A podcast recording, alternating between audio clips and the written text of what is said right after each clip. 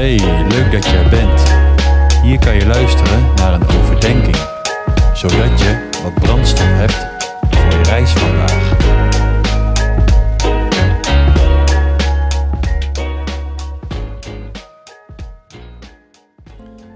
Welkom bij Brandstof, aflevering 37.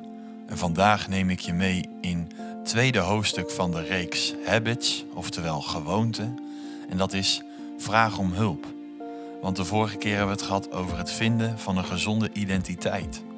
Oftewel a healthy identity. In Gods waarheid over jou. Vandaag is de tweede letter uit het acroniem Habits aan de beurt.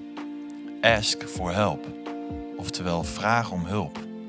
Dit is misschien wel de meest belangrijke, omdat het essentieel is voor alle andere onderwerpen. Want in de brief aan de Hebreeën geschreven aan de Joden die Jezus volgden, werd gezegd dat we niet uit onze samenkomsten met andere gelovigen moeten wegblijven. De brief suggereert dat dit niet slechts het gebrek is aan een goede gewoonte, maar eigenlijk de aanwezigheid van een slechte gewoonte. Het oorspronkelijke Griekse woord voor gewoonte in Hebreeën 10, vers 24 tot 25 is ethos.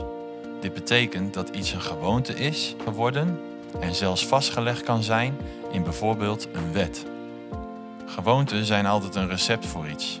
Goede gewoonten, zoals deel gaan uitmaken van een geloofsgemeenschap, zijn een goed medicijn.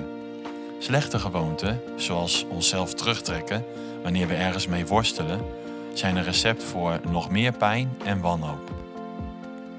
Zo heb je bijvoorbeeld de letter van vandaag nodig, ask for help, om enige vooruitgang te boeken met de letter van gisteren, healthy identity, oftewel de gezonde identiteit.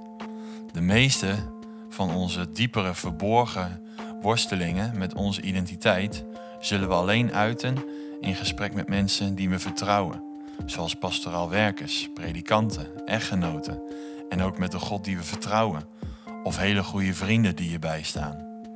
Heb jij de gewoonte ontwikkeld om de samenkomsten met anderen te mijden? Dat is niet erg. De remedie is eenvoudig. Ask for help. Vraag om die hulp. Maar doe dit niet slechts één keer.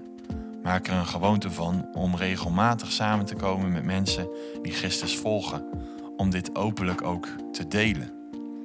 En stel jezelf de vragen: met wie zal ik praten over de gewoonte die ik probeer te ontwikkelen en die waarmee ik wil breken? Wat zal ik hun vertellen? En wanneer zal ik met hen praten? En maak daarin ook gewoon doelen en stappen, zodat je dat ook bespreekbaar kan maken met mensen om je heen. Mensen die je vertrouwt, mensen die Christus kennen en jou heel goed kennen. Dit was hoofdstuk 2 van Gewoonte. Tot een volgende keer.